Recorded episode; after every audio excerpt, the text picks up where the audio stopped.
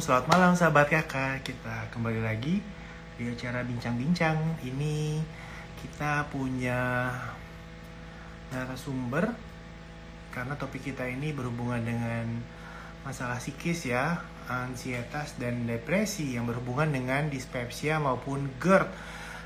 Ini banyak banget yang nanya ke saya Karena banyak sekali eh, pasien-pasien uh, asam lambung terutama GERD serta dispepsia ini yang ternyata memiliki background sakit lambung ya.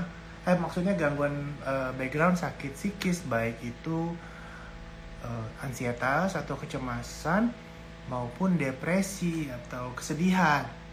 Nah tapi apakah harus seseorang itu menderita cemas, berdiagnosis cemas ataupun sampai depresi yang uh, jelas ataukah memang cukup ada efek depresi saja atau uh, gangguan penyesuaian saja itu bisa menyebabkan adanya masalah gangguan lambung seperti cemas dan depresi. Nah, makanya nih saya mau undang nih narasumber kita Dr. Andri ya.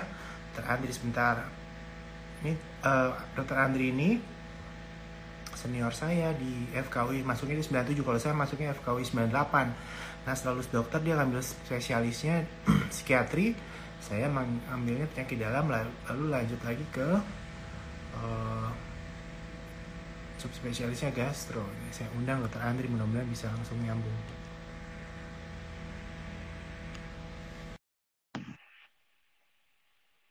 nyambung ya halo dokter Andri Halo Andri. Hai, halo Kak. Halo. Sehat, sehat. Sehat. Gimana? Udah santai? Sibuk banget nih kayaknya dokter Andri yang satu ini. ya, kalau satu minggu kan diusahakan kalau memang bisa istirahat, istirahat dulu lah. Harus. Zaman pandemi ini kan kita harus uh, istirahat nomor satu katanya supaya imunitas kita baik. Betul, betul sekali. Selain, selain istirahat, selain istirahat juga penting itu masalah stres ya karena kalau stres kan imunnya kita turun nanti Indri. Iya, itu yang memang Jadi, paling sering di dikhawatirkan ya oleh kita juga nih. Nggak tahu kenapa iya. nih. Hmm. Jadi uh, uh, banyak banget pasien-pasien gue tuh yang kena GERD maupun adanya masalah di lambung ya kembung-kembung, eh, terus juga sakit perut, bahkan diare, ternyata itu memiliki latar belakang eh, penyakit misalnya seperti cemas, terus juga sedih, stres gitu.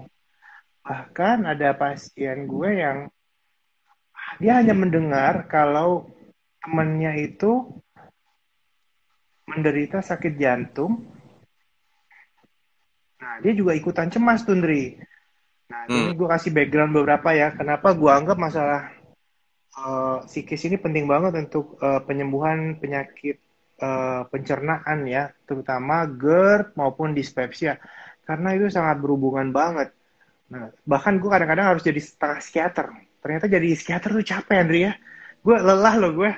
Kalau jadi psikiater, bener-bener deh gue acungin jempol banget ya buat psikiater itu karena itu lebih capek daripada kita lari sekilo ya mendingan gue lari sekilo daripada harus jadi psikiater. Pulang-pulang gue letih banget kalau udah ada dapat pasien yang kayak gitu tuh aduh.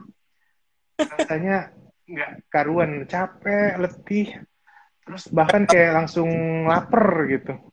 Kita kan sering kali ada dua apa ada pasien yang kita tangani bersama juga ya kayaknya tuh banyak juga nih uh, apa iya. namanya pasien-pasien uh, yang yang terutama uh, udah mulai banyak udah mulai mengerti gitu dia. Jadi uh, dua-duanya datang ya ke dokter jiwa juga dokter gastro hmm. Iya ini gue waktu itu uh, pernah ada pasien dia sampai karena sakit GERD terus dia sampai nggak mau nyetir. Tapi gara-gara gue konsul ke lo dia udah mau nyetir lo sekarang.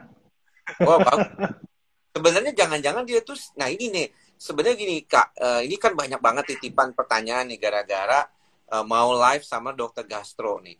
Jadi yeah. di kalangan para dokter itu mungkin orang belum banyak kenal. Tapi kalau di kalangan pasien di awam itu, mereka tuh banyak yang mau nanya sebenarnya itu GERD sama anxiety itu apa memang saling berhubungan gitu. Maksudnya mereka tuh pertanyaannya simpelnya gini, emang orang orang stres cemas itu bisa jadi GERD gitu. Karena kan ini GERD lagi banyak banget ya, uh, Kak. Terus terang aja semua teman-teman penyakit dalam rata-rata kalau dokter umum juga bilang dikit-dikit GERD, dikit-dikit. Tapi sebenarnya katanya bisa GERD gitu. Nah, menurut kita uh, teman sejawat uh, guru kita juga Prof. Arif Faria kan sebenarnya tidak gitu. GERD itu kan memang kalau di kategorinya GERD Q juga kan nggak ada gitu ya penyebabnya itu dari stres gitu. Tapi kok banyak banget tuh ada istilah GERD anxiety lagi mereka bikin grup-grup gitu tuh. Uh, mungkin apa ya bisa dijelasin dikit nggak kak? Kenapa ya, ya bisa pengen tahu juga jadi, tuh jadinya. Jadi kalau kita ngomong biological possibility, c, itu kan biasanya belum sering melakukan penelitian, jadi kita harus ngomong ilmiah. Biological possibility-nya itu kan kata-kata uh, katanya ada aksis ya antara brain gut apa brain gut axis kan. Nah, gut itu ya mungkin uh, ini sahabat kakak harus tahu gut itu maksudnya usus ya pencernaan. Jadi kalau ada masalah ada kekacauan di sini bisa hmm. berpengaruh ke pencernaannya. Begitu juga ada masalah di pencernaan bisa ngaruh juga ke ke sini nih. Nah, jadi bisa vice versa nih dokter Andri. Jadi banyak banget pasien gue tuh yang hmm. gue paling seneng kalau dia tidak punya underlying anxiety, anxiety maupun di depresi yang menyebabkan hmm. GERD. Nah, itu lebih susah gue obatin dibandingkan kalau memang dia awalnya GERD dulu, nah gara-gara GERD terus dia dengar berita macam-macam, terus dibatasin nggak boleh ini nggak boleh itu terus nanti bisa bahaya begini bisa meninggal lah katanya yang which is not true sekali yeah. gue bilang di sini kalau GERD itu tidak menyebabkan kematian dan para para pesohor atau uh, artis yang dikatakan meninggal karena GERD itu hoax ya nah, nah itu penting banget hoax sampai ada pasien bilang nggak mungkin hoax dok karena teman saya meninggal karena GERD waduh Gak mungkin hoax. Dia sampai bersih keras akhirnya gue tunjukin nih uh, flowchartnya begini. Nah, nggak ada hubungannya jantung dengan saluran cerna, beda saluran. Hmm. Nah, gue yang bisa gue sampaikan mungkin rasanya itu nggak enak banget. Jadi sampai seperti seolah-olah serangan jantung. Jadi hmm. sekali lagi gue bilang cek dulu jantungnya. Kalau sekali cek jantung udah normal, hmm. ini anak gue lagi rewel digangguin terus. Kalau Kela kayaknya masuk dulu ya. Kalau udah dikatakan aman oleh dokter jantungnya, udah nggak usah mikir-mikir lagi. Uh, kita udah nggak usah mikir-mikir uh, jantung lagi. Jadi uh, kita sekarang fokus di GERD-nya. Nah, sering kali GERD ini karena apa namanya uh, cemas pasien ya karena mendengar berita-berita yang tidak benar itu sampai uh, menimbulkan ansietas ya ansietas berlebih bahkan kadang-kadang sampai ada yang PTSD Andri PTSD post traumatic stress disorder. Ya itu mungkin yang gara-gara itu gara-gara itu dia pernah kejadian waktu lagi nyetir hmm. terus gerdnya kambuh. Nah dia udah pikir wah dia mati nih saat itu juga oh. nah gara-gara itu yang pasien yang gue kirim ke lo itu dia nggak mau nyetir lagi since then hmm. Hmm. Nah, enggak, gue mau nanya nih satu nanti itu bagian dari PTSD atau bukan ya? Terus ya. uh, pertanyaan gue berikutnya, ada juga pasien gue yang misalnya gini, dia kayak blaming apa itu part of PTSD atau post traumatic stress disorder ya. Jadi misalnya dia uh, GERD-nya lagi bermasalah atau memang ada gangguan asam lambung ya, gastritis. Terus itu kan perut sensitif banget ya. Hmm. Terus dia makan roti, perutnya nggak enak terus dia jadi dia langsung asumsi roti nggak boleh buat pasien GERD terus dia makan sayur A sayur B sayur C perutnya nggak enak dia nggak jadi dia nggak pernah makan sayur A B C lagi terus hmm. dia minum susu perutnya nggak enak bahkan hmm. susu ya jadi susu itu tidak menimbulkan GERD kecuali orang yang punya intoleransi laktosa jadi uh, kasihan kan susu itu kan banyak gizinya dan baik untuk imun ya di zaman pandemi seperti ini. Jadi dia blaming susu penyebab GERD-nya. Jadi semua dia pantang sampai dia cuma makan bubur coba. bubur sama kecap dua bulan. Ya kalau buat gue bagus ya bisa turun berat badan gue kayak gitu. Tapi kalau buat dia kan udah kurus tambah kurus. Yang ada tambah kena penyakit yang lain Ri. Nah ini gimana nih dari sisi psikis gue mungkin sebelum ke depresi depresi kalau menurut gue lebih susah lagi gue obatin nah, hmm. cemas dulu deh nih cemas tuh banyak banget ya variannya dan uh, ya jadi gue tuh kadang-kadang udah jadi kayak setengah psikiater ya karena gue harus bikin dia assurance kalau this is not serius dan ini bisa disembuhkan dan ini tidak menimbulkan kematian. Itu yang bolak-balik gue sampaikan kepada pasien-pasien yang GERD gue atau yang maupun gangguan asam lambung karena banyak sekali hoax yang beredar di masyarakat kita ini yang menyatakan kalau GERD ini bisa menimbulkan kematian. Hmm.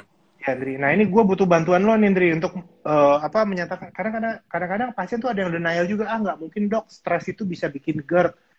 Hmm. Nah, atau kadang-kadang pasien itu ada yang uh, apa di, dipendam ya maksudnya dia kayak denial ya maksudnya uh, ya gue tahu-tahu dikit ya ilmu psikiater tapi uh, walaupun nggak sedalam lo katanya kalau kita punya masalah di misalnya di kerjaan atau di hubungan atau di keluarga uh, itu bisa timbul ke badan ya hmm. itu namanya psikosomatik ya Dri ya lo kan ahlinya di psikosomatik silakan Dri jadi gitu kalau menurut dari berbagai kasus yang pernah kita tangani bersama maupun dulu dari Prof Ari waktu itu inget banget lah Prof Ari Varial tuh 2015 kan kita ketemu tuh di Borobudur tuh yang hmm. acara hmm. uh.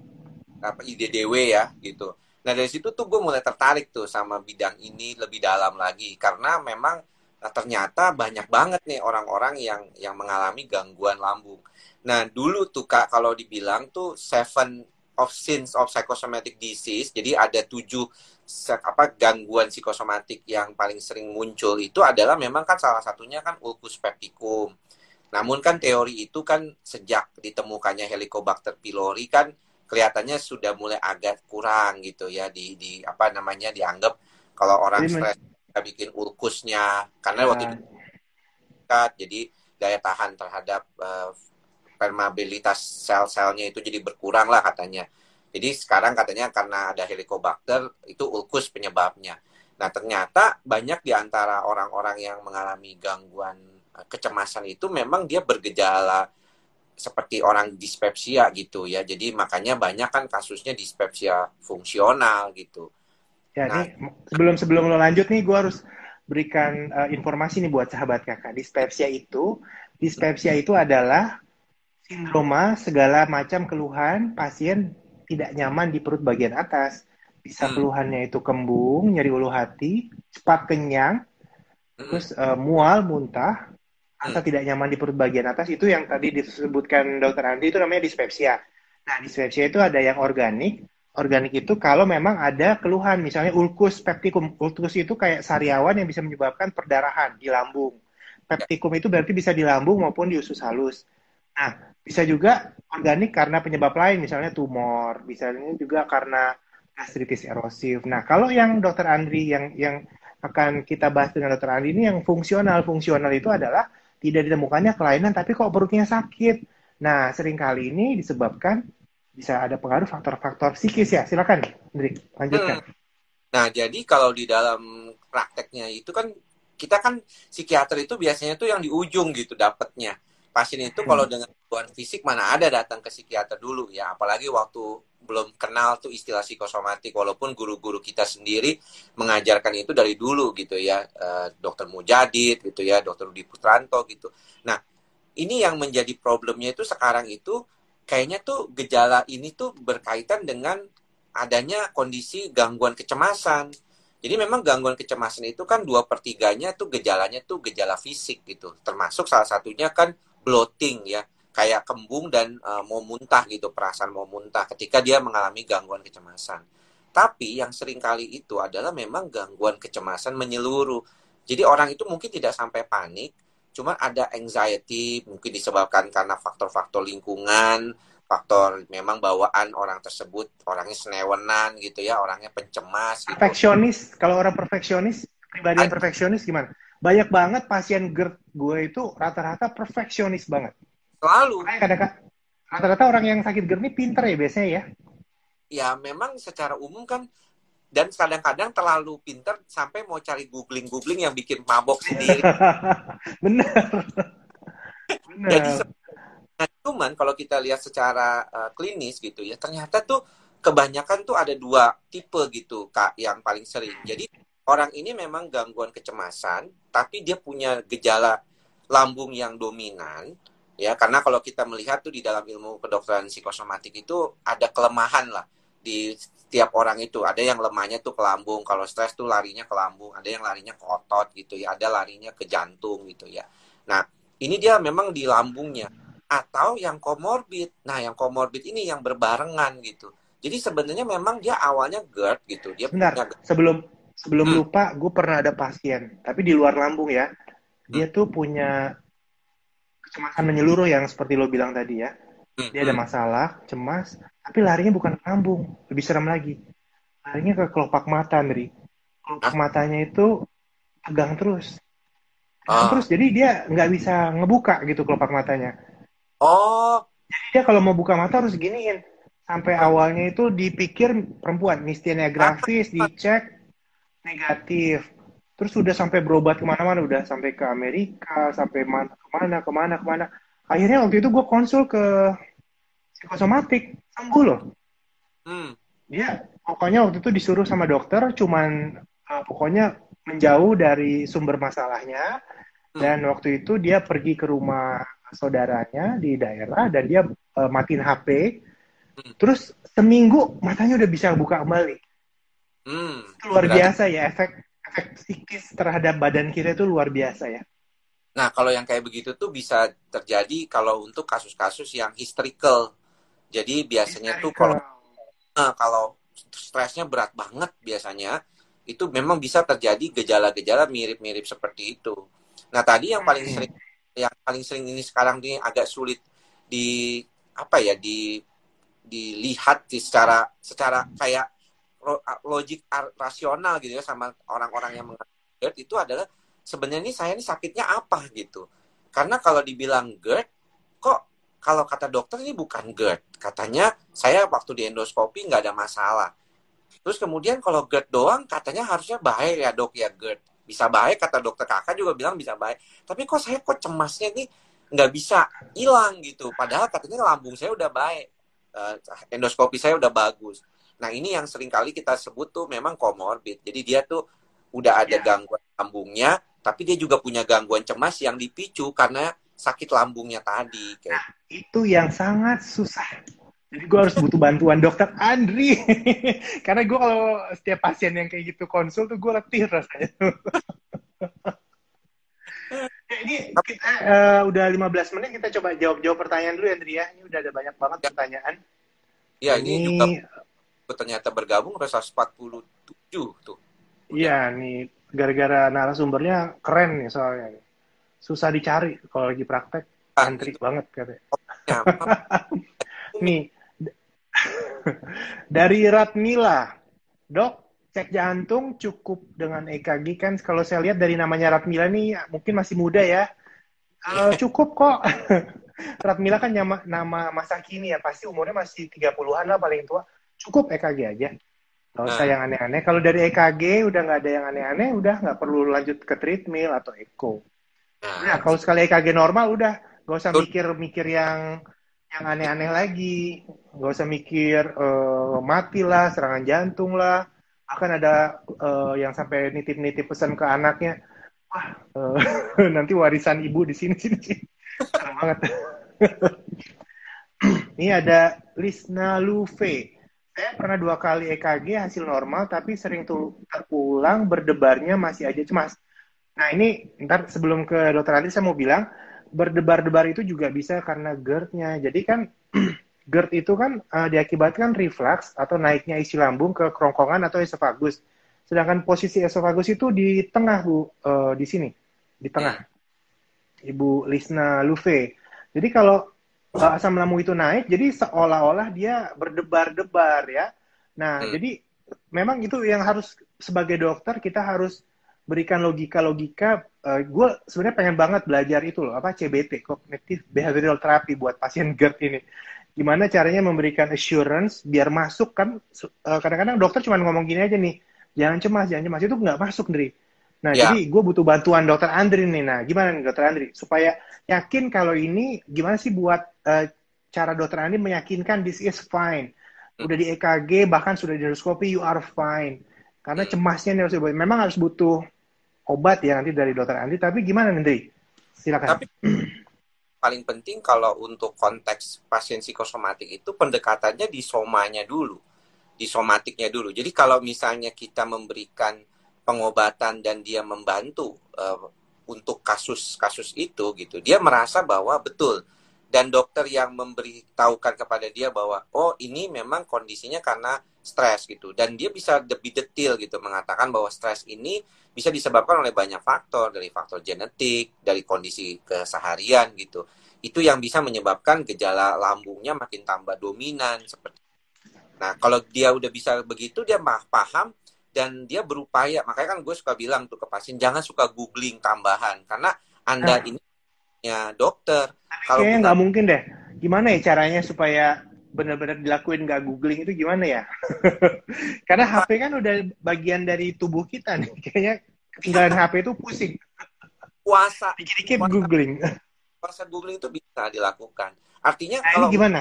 dapat dokter yang dipercaya misalnya dia percaya sama dokter kakak gitu dia percaya apa yang diucapkannya benar gitu dan itu memang membantu dia dia paham. Makanya nggak heran ya kalau kasus yang berkaitan dengan rujukan pasien kalau dirujuk sama dokternya itu ke dokter jiwa itu biasanya dia lebih mau eh, memahami gitu. Oh iya berarti memang saya membutuhkan. Kadang-kadang kan mereka denial. Orang ada pasien dari lu sendiri pernah datang ya itu setahun kemudian. Jadi dia udah bilang Akhirnya ya. "Ah, dia udah Akhirnya. dia bilang saya tuh udah lama disuruh dokter kakak datang ke dokter Andri cuman saya tunda-tunda begitu karena saya pikir ah masa sih gangguan cemas Ya, denial itu yang sering banyak. Dan orang Indonesia itu tipikalnya eh, masih reluctant ya ke psikiater ya. Padahal psikis itu di kota besar seperti kita ini tuh sangat berperan buat penyakit badan kita. Jujur, gue juga pernah ngalamin. sebenarnya makanya kalau kita nggak menjaga banget itu susah. Makanya kalau kita udah mulai ngerasa kayak ada gangguan lambung itu kan memang sangat erat ya. Apalagi sekarang Indonesia ini eh, makanan dan segala macamnya kan rupa-rupa banget gitu. Jadi memang luar biasa gitu pengaruhnya. Nah cuman itu kalau dia bilang kenapa kok bisa ada gejala-gejala lain? Yang seperti tadi orang tuh nanya. Kalau dia GERD kok dia berdebar-debar? Bahkan ada yang bilang kok sakit kepala? Kayak begitu. Ya. Kalau Jadi- sakit kepala itu memang selalu gue jelasin itu Hmm. sangat berhubungan. Karena Hmm. kan ada saraf-saraf di lambung yang langsung kontak ke ini kan ke brain. Berat kan? memberikan bagus. Nah, itu udah sangat jelas. Jadi eh, sebenarnya kalau berdebar-debar, misalnya dia ada rasa nggak nyaman, itu lebih ke paniknya dari biasanya. Ya. Jadi kalau panik pasti kan dia takikardi kan, berdebar-debar. Nah, itu yang gue selalu sampaikan, ah itu gejala paniknya bapak atau ibu yang dominan. Eh, ini Hmm. pertanyaan banyak banget. Kita lanjutin, Andri ya. Ya, ya. Itu Malam Dari- Yora Mirna. Malam dokter, mau tanya apakah asam lambung yang sudah akut bisa berpengaruh ke mata? Contohnya mata jadi agak kuning. Nggak bisa. Nah, kalau mata agak kuning ini ada yang lain nih. Harus dicari tahu. Harus dicari tahu kalau mata agak kuning apakah ada penyumbatan di saluran empedu ataukah memang ada gangguan di liver. Itu yang harus dicari tahu. Jadi jangan serta-merta ya. Nah ini dari rule 1783 dok, kalau kelingan kayak melayang-layang, terus sudut mata nyeri, apakah sensasi dari GERD juga bisa? Jadi gue pernah ngalamin dari kayak gini, gue gue kan tadinya tuh agak underestimate ya, maksudnya bukan underestimate. Kok gue lihat pasien-pasien GERD gue lebay-lebay ya, terus setelah gue berpikir kayak gitu, gue dapat GERD, supaya itu nggak enak banget. Jadi gue ngalamin yang ditanyakan oleh ini nih, si rule 1783 ini. Jadi kok sudut mata sini agak nyeri-nyeri. Jadi bisa rasanya tuh nggak mood banget. Semua rasa badan tuh nggak enak kalau sakit GERD. Semua gangguan asam lambung itu menurunkan quality of life. Gue setuju. Mm, mm. Nah ini Tapi- gue ada pertanyaan. Ah ya, datang. Gue mau tanya, sebenarnya GERD itu sebenarnya sering sih kak kalau di Indonesia prevalensinya gitu, maksudnya angka kejadian. Satu dari empat orang. Uh, Berarti Jadi lebih lu, lu udah bener nih ngurusin GERD anxiety udah paling bener. One out of four people in Indonesia Hmm. GERD. Jadi Risiko nggak usah khawatir. faktor risikonya orang jadi lebih mudah kena GERD itu atau memang dia punya genetik atau apanya yang bikin ini? Ya, itu banyak banget pertanyaan. Jadi kalau dari eh, anu dari apa? Dari kepustakaan itu disebutkan laki-laki itu lebih berperan. Ya mungkin kalau secara psikis mungkin laki-laki itu lebih introvert ya dia sebagai kepala keluarga dia harus eh, apa namanya lebih kuat. Nah kalau perempuan kan mungkin lebih ekstrovert ya, jadi dia bisa mencurahkan emosinya. Jadi ya nggak tahu ini eh, hanya analisa gue aja nih. Laki-laki katanya lebih berperan. Terus usia lanjut di atas 60 tahun. Jadi kalau organ-organ tubuh kita itu kan dengan bertambahnya usia, fungsi-fungsinya itu kan semakin turun, ototnya juga semakin berkurang, serat serabut ototnya, matanya juga semakin berkurang fungsi matanya. Namun sel parietal di lambung dengan bertambahnya usia itu sel parietal yang menghasilkan asam lambung itu jumlahnya uh, bertambah banyak dari.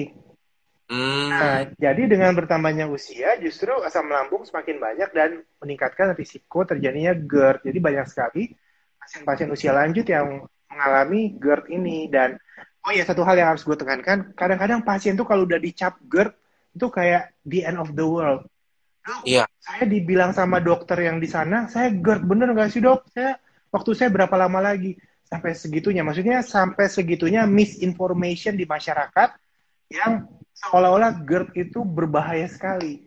Karena memang rasanya kan nggak enak banget ya Andrea gue sumpah pernah ngalamin tuh rasanya nggak enak banget.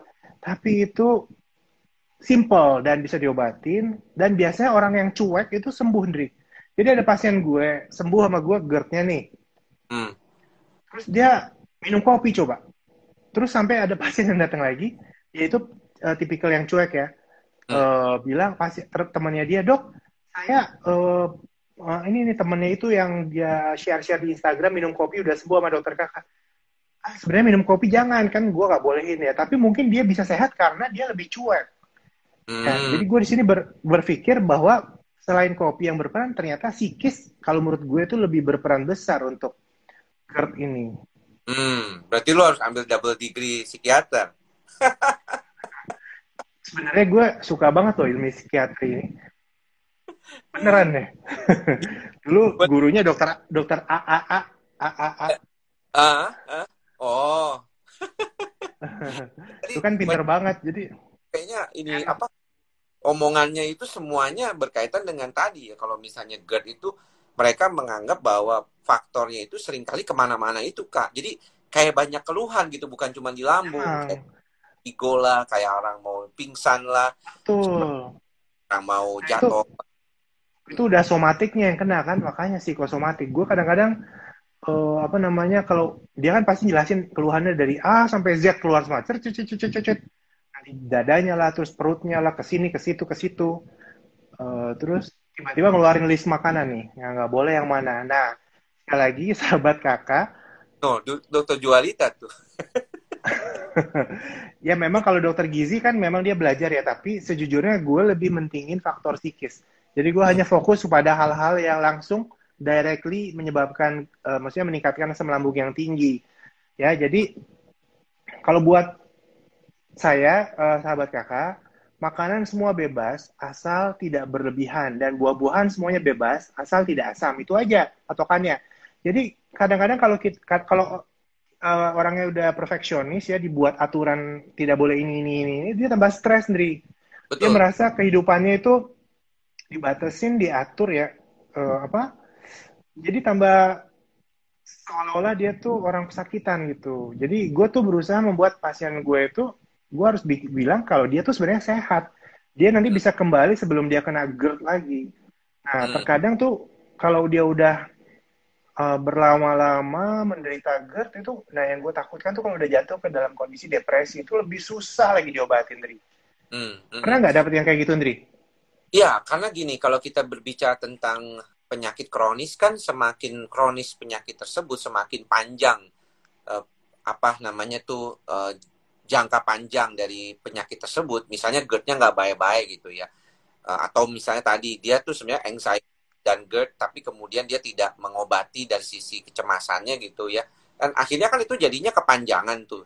Nah kalau dia terlalu panik, depresi.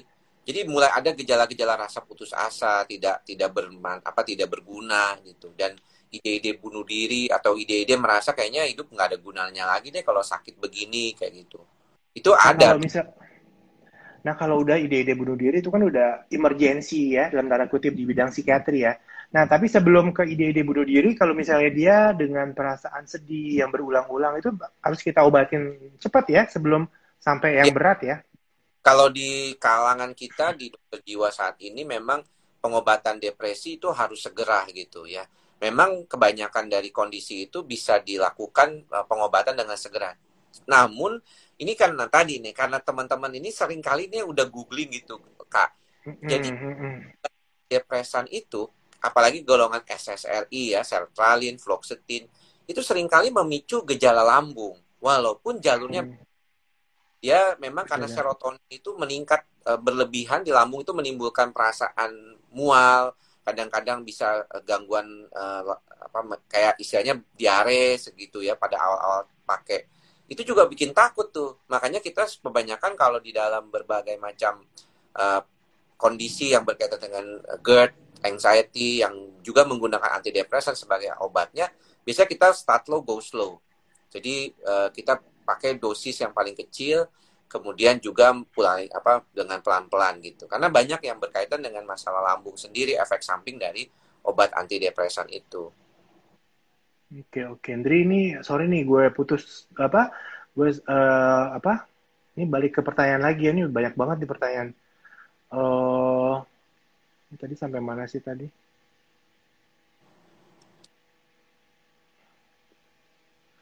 Uh, ini. Dari yang awal deh kasihan. Mana awalnya ya? Banyak. KG uh, oke. okay. Dok kalau vertigo itu dari GERD juga atau tidak? Bisa bisa diakibatkan dari GERD. Nanti kita obatin GERD. Kalau vertigonya belum sembuh mungkin nanti saya akan melibatkan dokter neurolog ya untuk evaluasi hmm. lebih lanjut. Lalu dari G Satriani. Assalamualaikum dok. Kalau lebih sering nafasnya nggak enak sama nggak enak di perut atas, apakah nafas yang ganjil di tenggorokan itu bisa hilang? Dan kenapa bisa seperti itu dok? Ya sering kali ada asam lambung saja ya, tapi biasanya kita lebih pastikan lagi dengan endoskopi untuk menyingkirkan ada polip dan lain-lain. Dari Nir Maramlam, amankah naik pesawat pada penderita GERD psikosomatik? Aman! Kasian banget takut naik pesawat dari jadinya. Kalau orang panik itu memang sering kali takut di dalam ruangan tertutup. Jadi kalau hmm. misalnya hmm. ruangan di mana kalau teman-teman yang punya masalah GERD anxiety itu kalau dengar di dalam pesawat ada door close gitu ya kalau kata kaptennya udah bilang begitu itu langsung rasanya kayak sesak gitu jadi perasaannya tuh tiba-tiba muncul. Makanya panic attack itu sesuatu yang nggak bisa dibayangkan oleh orang yang belum pernah mengalaminya gitu. Kadang-kadang kan lu pikir positif aja deh. Udah tenangin aja nggak bisa. Itu kadang-kadang bisa benar. Iya. Ya, kita harus berempati sama pasien ya. Nggak bisa. Pernah ngalamin panic attack nggak, Andri? Nggak pernah, tapi treat, uh, dalam artian seperti panic attack yang jelas tuh bisa. Pernah sekali gara-gara makan obat salbutamol. Zaman gue lagi jadi nyampur obat sendiri, uh, obat batuk, pakai salbutamol. Jadi, waduh berdebar-debarnya itu nggak enak banget waktu jaga oh. lagi. Jadi benar-benar itu rasanya kayak orang kayak bener oh ternyata gini ya kalau orang tuh ini uh, panic attack itu. Tapi kalau misalnya mau merasakan sendiri, itu ya itu apa uh, napas cepat gitu ya di dalam kantong plastik atau kantong coklat yang bekas dari fast food itu napas cepat aja keluar masuk keluar masuk itu kan sensasinya sama kayak orang panic attack gitu karena adrenalin rushnya yang bikin dia itu rasanya kayaknya berdebar-debar perasaan kayak mau eh, pingsan mau mati kayak gitu itu yang yang bikin orang tuh uh, kenapa jadi takut naik mobil gitu ya. Uh, dan biasanya memang menariknya nih lucu nih kak. Belakangan ini kebanyakan pasien panik itu gangguan cemas panik itu selalu merasa mereka mulai gejalanya itu dari lambung. Jadi asam lambungnya naik gitu, nyesek terus langsung dah ke mana-mana gitu. Inilah makanya kenapa dokter gastro sekarang jadinya, waduh pasiennya memang juga saling kali berkaitan dengan psikiatri karena problemnya itu kayaknya kok jadi jadi bareng gitu. Apa memang ini orang punya masalah. Saya harus praktek berdua sama gue, Dendri. gitu. Iya, habis dari saya ke dokter Andri ya langsung. Biar diberikan pencerahan. Nah ini untuk yang panic attack dan mau naik pesawat ini biasanya lo bekelin sama obat nggak, Andri? Tadi pagi, supaya dia ya tadi tadi pagi sempat ngobrol sama salah satu mantan pasien yang sudah bisa liburan naik pesawat terbang gitu ya. Alhamdulillah hebat, Andri. Apa biasanya kita bantu dengan pengobatan dulu awalnya gitu. Jadi awalnya sih memang uh, dilatih dulu karena gini tadi sebenarnya kayak tadi ngomongin PTSD ya post traumatic stress disorder. Mengapa kita perlu obat awalnya itu supaya tuh tidak menimbulkan sensasi itu berulang. Karena semakin orang itu mengalami gejala-gejala GERD-nya bertambah, anxiety-nya bertambah berulang, itu semakin memorinya itu akan semakin mengingat itu. Jadi amigdala itu yang berkaitan dengan panic attack itu akan selalu mengingat hal-hal yang buruk. Dan memang otak kita ini akan lebih sifatnya antisipasi kan daripada uh, melihat sesuatu yang positif. Mereka akan lebih uh, demen sama yang negatif-negatif otak ini. Sehingga dia mencoba mengantisipasi. Nggak heran kalau banyak kasus di mana orang itu sering kali ada misalnya masalah dengan GERD di jalan tol, lagi nyetir ada GERD-nya naik, kemudian jadi anxiety attack, itu khawatir banget. Dia rasanya kayak ada rasa, aduh, gua aduh bisa mati nih. Nah, peristiwa-peristiwa itu yang akan membuat adanya traumatik gitu sehingga orang itu akan menghindari nah kalau kita mau coba sebenarnya caranya untuk mengurangi trauma itu apa? Menjalani yang dikhawatirkan itu. Jadi mau nggak mau dia takut naik pesawat dia harus naik pesawat malah. Supaya apa? Dia dapat pengalaman baru. Walaupun kita tahu kita akan bantu dulu dengan pengobatan supaya respon otaknya itu tidak menimbulkan gejala panik gitu. Jadi sebenarnya proses itu akan mau nggak mau kalau di dalam ilmu kedokteran jiwa kita bilangnya desensitisasi. Jadi itu harus mau nggak mau tetap dilakukan. Kayak orang alergi ya, jadi kita desensitisasi. Zat yang bikin alergi kita kasih dikit-dikit dikit-dikit sampai dia bisa full dose makan ya. sesuatu ya. yang bikin alergi itu. Ada lanjut. Oh ya, satu lagi sebelum ke pertanyaan. Tadi lo bilang apa? Pakai bag itu ya? Kantong udara ya. bisa membantu ya? Jadi ada sebenarnya orang kalau yang suka nonton film-film di luar negeri itu panic attack mereka suka disuruh napas lewat ini kan karena kalau terjadinya panic attack itu dia akan hiperventilasi kan jadi dia akan cenderung napasnya itu cepat sehingga O2-nya kebanyakan seolah seolah-olah. Nah makanya dia harus karbon monoksida kan jadi dia disuruh napas lewat uh, apa namanya brown bag itu gitu. Tapi kalau orang yang tadi tanya, tanya kan apa bisa kita tuh menimbulkan sensasi panik sendiri ke kita? Ya kalau mau ya silakanlah ambil brown bag itu napas cepet uh, napas keluar masuk cepat, nanti timbul tuh sensasi kayak orang panik itu timbul. Jangan, jangan tapi jangan dicoba ya. Don't try this at home. Tahu nggak selama ini gue pikir di pesawat tuh brown bag itu buat muntah, ternyata buat panik ya? Nggak, itu memang buat muntah. Oh, memang buat Cuma, muntah. Oh, tapi bisa dimanfaatkan buat anu ya, membantu keluhan panic attack ya. Nah, selama ini yang gue ajarin ke pasien gue itu dengan inhalasi. Jadi kita tarik napas 5 detik, tahan 5 detik, buat pelan-pelan 5 detik. Itu gue terapkan pada diri gue sendiri itu GERD-nya bisa menolong banget. Karena ya. sering kali yang gue rasain kalau GERD itu kayak asa berat di dada, sampai gue tuh waktu itu EKG, sampai gue waktu itu treadmill normal semua, bagus. Ya, terus gue jadi mindset gue ya gue rubah, ini nggak berbahaya. Jadi semenjak itu gue lebih tenang sih. Jadi GERD gue gak pernah kambuh lagi, dan setiap rasa nggak enak itu timbul ya gue terapi inhalasi yang gue sebutkan tadi. Bener ya, Andri ya? Ya, memang kalau dibilang, kalau ketika dia panic attack tuh pikiran kita tuh nggak bisa dimasukin kata-kata. Jadi nggak bisa, ayo pikir positif, ayo itu udah hilang semua. Jadi dia harus mekanismenya mekanisme uh, perilaku, yaitu nah apa menarik nafas panjang karena dia ikut menenangkan amigdala. Sama ada satu lagi tekniknya namanya EFT. EFT itu yang dia uh, tapping kayak begini. Ya termasuk hmm. itu. Jadi dia kalau ketika dia datang gejala nggak enak itu dia suruh tapping begini gitu di dilakukan tapping seperti ini gitu. Terutama di daerah uh, tangan seperti ini tangan kan, ya di sini. Itu, itu pengalihan ya pengalihan? Uh, bukan pengalihan saja tapi dia memberikan sinyal supaya amigdalanya menjadi lebih tenang. Sama oh, kayak oke oke ya ingat ya sahabat kakak kalau nggak enak di, gini ya? di sini. Ah uh, di sini oh. dia uh, jadi ini di, kayak ini ya uh, apa? Kalau yang tusuk jarum itu apa namanya? Aku puntur Oh, aku Beda ya? Tapi aku pressure kan lebih ditekan. Kalau ini kan diketuk-ketuk. Oh, Jadi ketuk nama, aja ya. ya EFT Tapi... itu Ntar gue coba deh kalau amit-amit sih kambuh, tapi kalau anu gue coba gini-gini. Jangan sampai. Iya. Ini lanjut pertanyaan Dri. Nyeri ulu hati tembus ke punggung seperti banyak gas dalam perut tapi tidak bisa dikeluarkan melalui sendawa atau kentut. Lama-kelamaan keluar keringat dingin, terasa kunang-kunang dan lemas. Apakah itu GERD? Lebih ke dispepsia. Nah, sekali lagi dispepsia itu bisa karena gastritis atau asam lambung, bisa karena hepatitis, bisa karena batu empedu, bisa juga karena jantung. Jadi dipastikan dulu ya sebelum kita mengarah ke lambung. Nanti kalau memang yang lain tidak ada, kita bisa fokus pengobatan lambung walaupun 90% memang dispepsia itu karena gastritis. Nah ini buat dokter Andri nih dari Endang DS.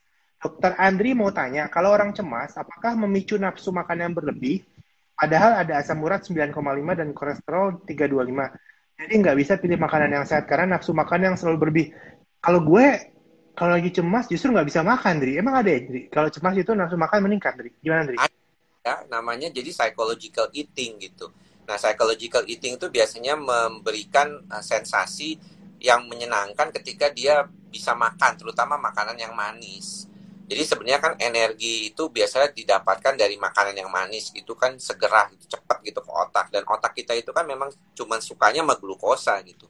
Nah, ketika orang itu lagi stres gitu dia makanya jadinya makan boba gitu kan banyak tuh minum segala macam hal-hal yang manis itu membuat dia lebih tenang. Nah, ada memang yang demikian. Walaupun nanti jadinya masalahnya ada beberapa terutama anak dan anak remaja putri nih. Itu yang akhirnya dia nyesel terus dia muntahin. Makanya ada bulimia. Ah, Lady Di ya, Lady Di kan gitu ya. Ya, bulimia tuh atau yang yang jadi uh, tapi kebanyakan sih kalau psychological eating itu larinya ke bulimia. Nah, bulimia ini bahayanya adalah satu secara emosional itu bisa mengalami depresi, tapi yang secara fisik kan kalau dia muntah terus, dia dorong itu kan bisa rusak itunya kan uh, apa kakak sini bisa lihat pasti ininya kan uh, rusak ya, ya. esofag. Nah, keluar terus gitu dipaksa gitu. Nah, ini yang sering makanya kalau dibilang ya uh, lebih baik diobati dengan cara-cara non non non makanan lah kalau bisa jangan sampai makanan tuh jadi sumber kayaknya udah sumber kebahagiaan terus dia makan banyak untuk itu. Oke, lanjut Dri, banyak nih Dri. Apakah gangguan kecemasan bisa schizofren? Saya kepikiran itu terus, Dok. Enggak. Schizofrenia itu seperti dokter kakak tadi bilang juga kan uh, tiap uh, do, apa kita punya penyakit itu tiapnya beda-beda jalurnya. Nah, kecemasan By itu gue, gue ada pasien. Uh, jadi dia tuh punya saudara, saudara kandungnya itu schizofren.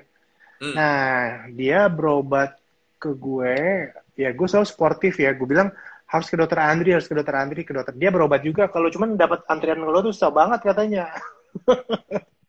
Jadi uh, ya maksudnya dia berusaha ini ya apa namanya. Uh, tapi gue takutnya apakah itu bisa merupakan dari schizofrenia ya? Maksudnya dia punya uh, genetik schizofren dan keluhannya tuh kadang-kadang waktu pertama kali dia berobat tuh dia jalannya pelan banget gitu loh pelan-pelan banget gitu tapi sebenarnya apa pikirannya sih masih normal maksudnya nggak ada gangguan tilikan segala macam cuman uh, pikiran negatifnya itu tinggi banget Ndri sama semua orang pikiran negatif itu kan kita bisa harus cek dulu apakah itu dia ide-ide paranoid atau dia sesuatu yang sifatnya lebih kayak uh, kayak self uh, blamingnya lebih banyak gitu. Jadi ada orang tuh self center banget gitu. Apa-apa tuh salah dia, apa-apa tuh karena gue gitu. Jadi ada juga yang paranoid kan. Namun kalau schizophrenia itu kan dia nggak boleh diagnosis sendiri dia. Uh, jadi dia harus ada ahli uh, dari dokter jiwa biasanya yang me, memberikan konfirmasi terkait dengan diagnostik klinisnya. Jadi saya sih selalu mikir kalau untuk pasien cemas itu kalau orang kan takutnya gini, aduh gue jadi kan ada sensasi takut menjadi gila tuh ketika dia mengalami panic attack. Tapi apa bisa jadi gila beneran dok? Bisa jadi dalam tanda kutip schizophrenia kan kalau orang awam tuh mikirnya seperti itu. Ya tidak gitu karena beda jalur. E, kalau schizophrenia kan yang bermasalah dopaminnya yang ketinggian. Kalau untuk kasus cemas itu lebih dominan, lebih kondisi yang berkaitan dengan e, keadaan sistem GABA, kemudian serotonin gitu, adrenalin itu yang yang lebih dominan. Tapi bukannya kalau dia ada genetik itu lebih prone ya? Uh, kalau kita bicara tentang genetik sih penelitian terakhir waktu gue ke Wolfsburg ya, Jerman tahun 2019 Oktober itu sudah ada hasilnya ke 43,5 persen pasien gangguan panik itu memang faktornya genetik. Jadi besar banget 43,5 persen itu. Maksudnya, maksudnya orang, schizofren, schizofrennya itu. Oh bukan, kalau schizofrenia genetik betul, satu persen saja tapi dari populasi normal.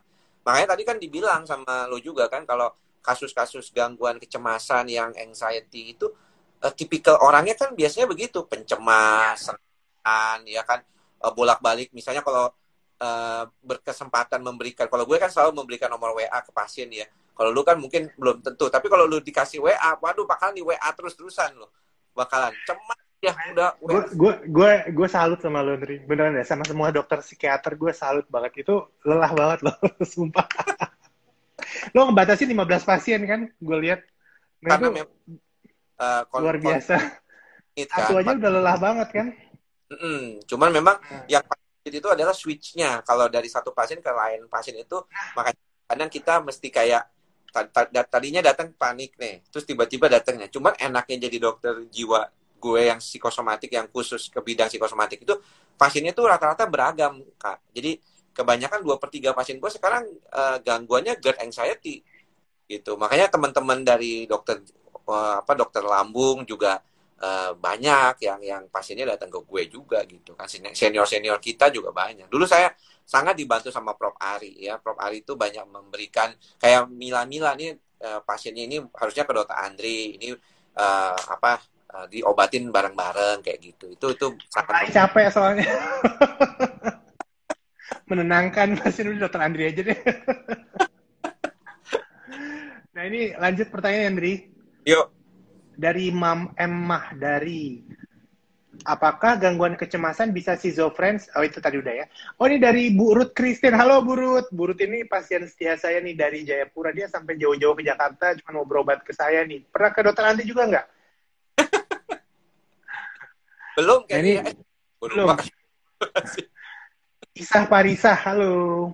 Ini dari Adi Rakavia, dok. Bagaimana bedanya GERD dengan MAH? Apakah keduanya hal yang sama?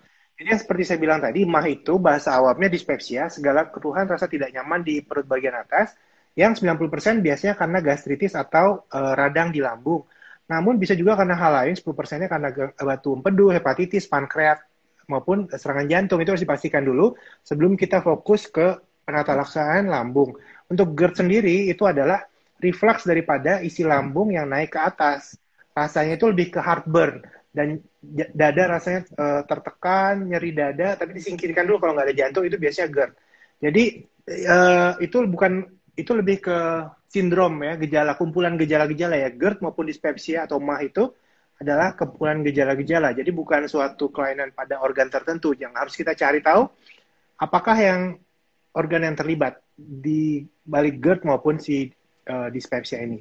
Nah, ini uh, dari Nur Faida. Saya susah nafas dok, sering banget keleyengan. Biasa nggak kuat berdiri saking lemesnya dok. Belum sarapan kali. ini soalnya nggak ada pertanyaan, jadi gue lanjut aja ya. Maria Mukhtar, selain di endoskopi ada cara lain nggak sih dok? Ada efeknya kah selain endoskopi? Tidak ada. Kalau misalnya orang dokter yang sudah diperbolehkan endoskopi, insya Allah itu dokternya sudah mumpuni untuk melakukan endoskopi. Dari John Engelbert, dok saya sudah tiga tahun sakit tinggal di Maluku, udah bolak-balik Jakarta sampai CT scan jantung sehat. Tapi kok dadanya berdebar-debar, sesak napas setiap saat nggak bisa aktivitas dengan normal ya. Ini yang disebut dengan GERD anxiety tadi. Jadi karena dia uh, mindsetnya seperti dokter Andri bilang tadi itu dia masih berpikir akan pengalaman tidak nyaman jadi berulang-ulang terus jadi itu harus berobat ke dokter Andri ya Pak John bisa sembuh nanti kalau ke dokter Andri. Nah dokter Andri ini uh, ada pertanyaan nih yang uh, langsung ke dokter Andri nih. Jadi ada pasien udah berobat tiga bulan, uh, udah minum obat-obatan dari psikiater, uh, dia mau lepas obat bisa nggak sih dok? Tergantung sakitnya apa dulu gitu ya. Sakitnya GERD, eh, GERD anxiety sebenarnya tadi eh, yang paling penting itu dari GERD itu adalah pokoknya apa pun yang kita bisa lakukan agar otak kita di dalam hal ini amigdala kita tuh lebih tenang. Nah sayangnya nih otak kita ini kan kadang-kadang tadi terlalu banyak impuls-impuls dari mana-mana gitu ya. Kenapa sih tadi dilarang uh, googling? Karena googling itu malah menimbulkan perasaan takut. Nah kita orang-orang yang mengalami GERD anxiety itu kebanyakan antisipasinya tuh terlalu berlebihan.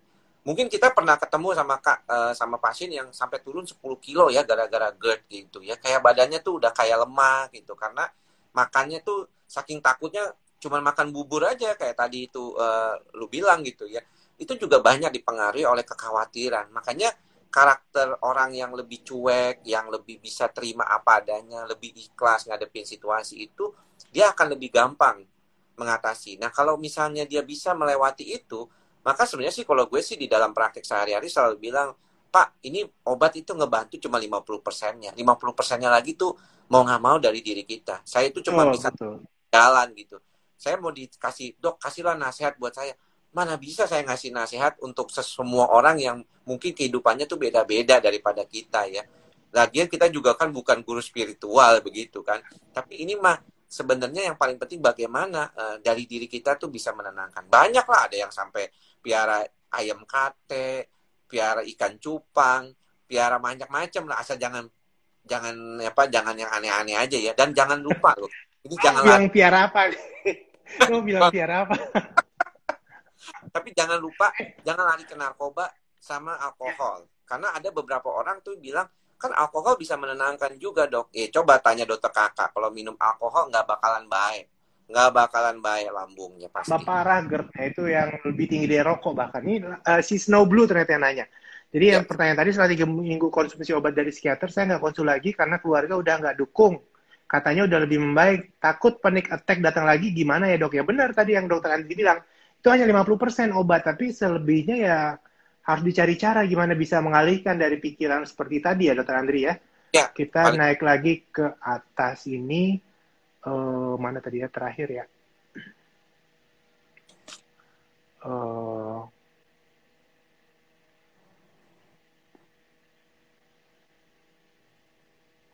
dari Darmawan ya ya. Dok dulu saya pernah GERD tapi sekarang perut udah nggak berasa sakit tapi masih suka pusing sama rada gemeter itu kenapa ya dok ya itu bagian dari asam lambungnya juga bisa Irfan Nurdiansyah ke gusi kadang sering bengkak juga benar jadi GERD itu kan refleks dari asam lambung, jadi selain di kerongkongan dia bisa juga bahkan bisa bikin gigi keropos.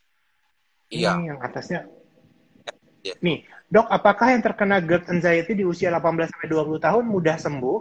Nah, ini dokter Andri nih, silakan dok. Nah, masalah usia itu saat ini memang menurun, Kak. Dulu gue inget banget hmm. waktu lulus tahun 2008 jadi dokter jiwa, itu ketemu pasien itu rata-rata di atas usia 35-40 tahun Ya, kemudian kan ke Amerika tahun 2010 waktu itu belajar psikosomatik kan, uh, short course lah.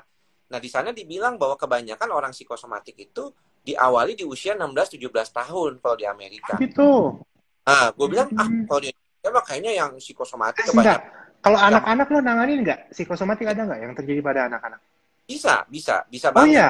Bisa banget, oh.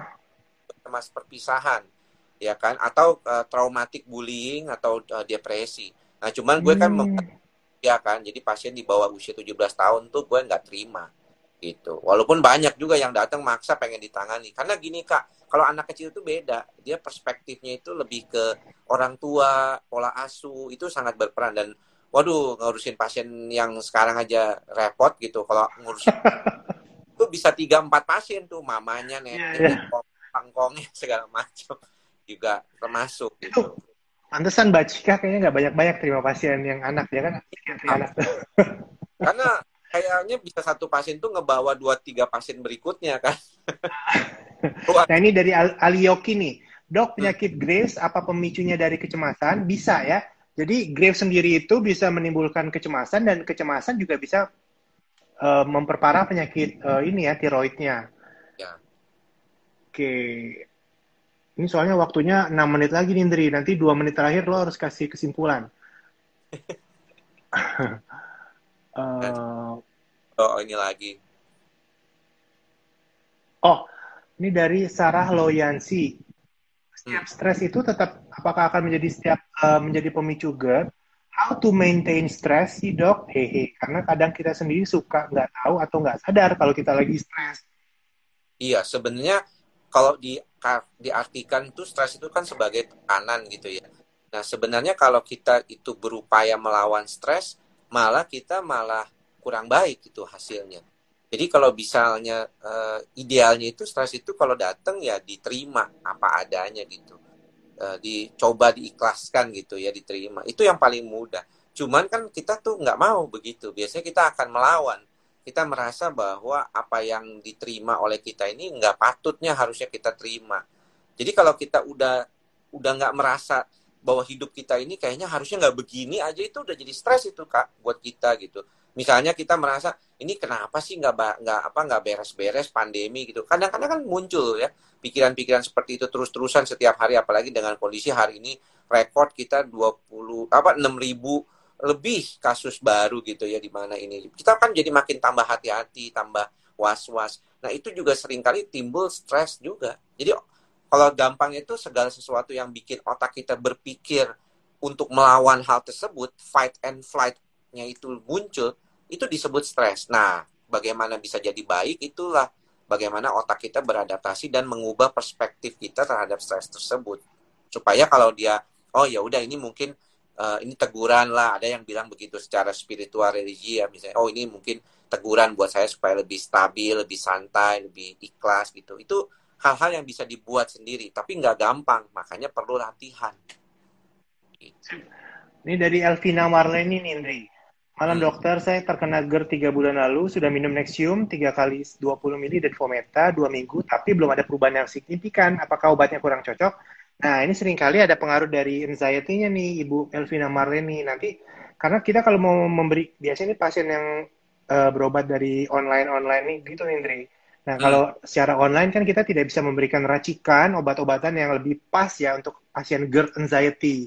Jadi ya. lebih baik kontrol ke dokter, saran saya. Lalu tadi ada yang bertanya nih, bagus banget tadi, ada masalah asuransi nih, soalnya tinggal 4 menit lagi. Pertanyaan banyak banget nih. Sebelumnya saya mau minta maaf kepada semua sahabat kakak yang pertanyaannya tidak bisa saya bahasakan. Jangan marah ya. Uh, tapi memang dibatasin sejam doang di sini. Uh, jadi, oh tadi ada dok bilangin dong ke pihak asuransi saya punya penyakit uh, cemas mau berobat ke psikiater. Tapi kalau berobat ke psikiater nggak di cover nih. Gimana lo harus lo harus ini dong, Tri. Uh, Persatuan Psikiatri protes kepada asuransi-asuransi itu gimana oh. tuh? sebenarnya masalahnya bukan dari kalau di luar negeri kan kalau di luar negeri asuransi itu di cover loh kalau ada masalah psikiatri jadi sebenarnya asal kenapa asuransi itu tidak menanggung pasien ke dokter jiwa itu dari Amerika ada sejarahnya ada sejarahnya hmm. tahun sekitar tahun 50 60-an itu itu ada beberapa uh, gerakan yang membuat orang-orang yang mengalami gangguan kejiwaan itu dianggap melakukan penipuan kepada rumah sakit kayak gitu. Jadi uh, kondisi itulah akhirnya tidak ditanggung gitu oleh berbagai macam perusahaan swasta. Tapi kalau kita bicara tentang kondisi saat ini ada beberapa perusahaan terutama perusahaan asing, perusahaan minyak ya, beberapa perusahaan lokal uh, startup yang baru itu juga yang sudah settle uh, itu juga bisa kok menanggung ke dokter jiwa. Banyak kok uh, ada beberapa lah yang bisa menanggung ke dokter jiwa. Ada beberapa pasien dokter kakak juga yang Eh, dengan asuransi juga bisa gitu. Walaupun kadang-kadang Alhamdulillah. Nah, itu ditandain tuh asuransi apa? Jadi pasien supaya daftar asuransi itu kalau ada masalah. Gak tahu itu kebanyakan dari Kak. Banyak kan dari perusahaan. Oh, perusahaan. Kan dari asuransi yang biasanya uh, ditawarkan, tapi ini perusahaan. Jadi dia bekerja di salah satu perusahaan, kemudian uh, perusahaan itu mendukung. Itu ada beberapa perusahaan yang mendukung karyawannya untuk datang ke dokter jiwa. Itu bagus sih menurut gue. Gitu. Oke, Andri, ini waktunya tinggal dua menit lagi. Saya mohon maaf buat sahabat kakak yang pertanyaannya tidak bisa kita bacakan. Nanti bisa DM langsung ke dokter Andri, uh, atau bisa datang ke tempat praktek dokter Andri. Di mana dokter Andri? Di Rumah Sakit Omni Alam Sutra. Kalau DM okay. kayaknya kan pasien nggak dibales. ya nggak mungkin ya memberikan nasihat dari DM ya. Jadi panjang okay. dan... Hmm. ya sebelum uh, Andri nanti gue mau bilang dulu kalau GERD dan maupun dispepsia ini bisa disembuhkan dan tidak menyebabkan kematian. Jadi sahabat kakak, kakak tidak usah khawatir uh, dan sering kali masalah psikis ini baik cemas maupun depresi itu bisa mempengaruhi kepada gangguan asam lambung, terutama GERD. Nah ini silakan dokter Andri ya. closing. Ya gangguan cemas itu memang sering kali berkaitan dengan masalah-masalah fisik gitu ya terkait dengan hal ini salah satunya adalah yang paling sering itu gangguan lambung nah sekarang itu GERD anxiety memang menjadi salah satu fenomena yang banyak banget ditemui di praktek-praktek dokter jiwa gitu ya dan kasus-kasus yang ditemui oleh dokter kakak juga banyak yang berkaitan dengan masalah anxiety ya tadi dokter kakak bilang Nah, pada dasarnya anxiety sendiri bisa disembuhkan. Ya, jadi gangguan kecemasan itu bisa disembuhkan. Memang memerlukan waktu, ya. Makanya tadi juga ada yang menanya tentang asuransi. BPJS memang menanggung, Kak. Ya, jadi memang BPJS menanggung. Namun kita tahu sendiri banyak uh, keluhan juga ya dari teman-teman. Karena tadi kakak bilang juga bahwa uh, pasien-pasien yang mengalami gangguan itu kebanyakan karakternya khusus. Jadi mereka tuh agak sedikit uh, perfeksionis ya type A personality, senewenan gitu sehingga ini yang juga perlu diubah dari diri kita. Mudah-mudahan teman-teman uh, sahabat kakak ini juga punya kemampuan untuk membantu dirinya dengan baik dengan berbagai macam teknik yang tadi disebutkan. Thank you ya, Kak. Sudah Aduh, diundang. mantep banget closingnya. Langsung mengena. Oke, terima kasih Andri atas ya. uh, waktunya udah uh, malam-malam begini tapi lu masih menyempatkan waktu buat sahabat kakak di sini. Semoga bermanfaat buat pasien-pasien kita ya. Terima ya. kasih. Ya. Selamat malam, ya. Andri. Kata Kenapa lu bilang apa tadi? Jangan dilupa di save. Sebabnya banyak. Oh iya iya iya iya. Ya, gue biasanya minta tolong istri gue, gue agak gatak. Habis ini ntar eh, istri gue nyimpenin. ya. Oke. Okay. Malam. Terima kasih sahabat kakak. Wassalamualaikum warahmatullahi wabarakatuh. Dadah.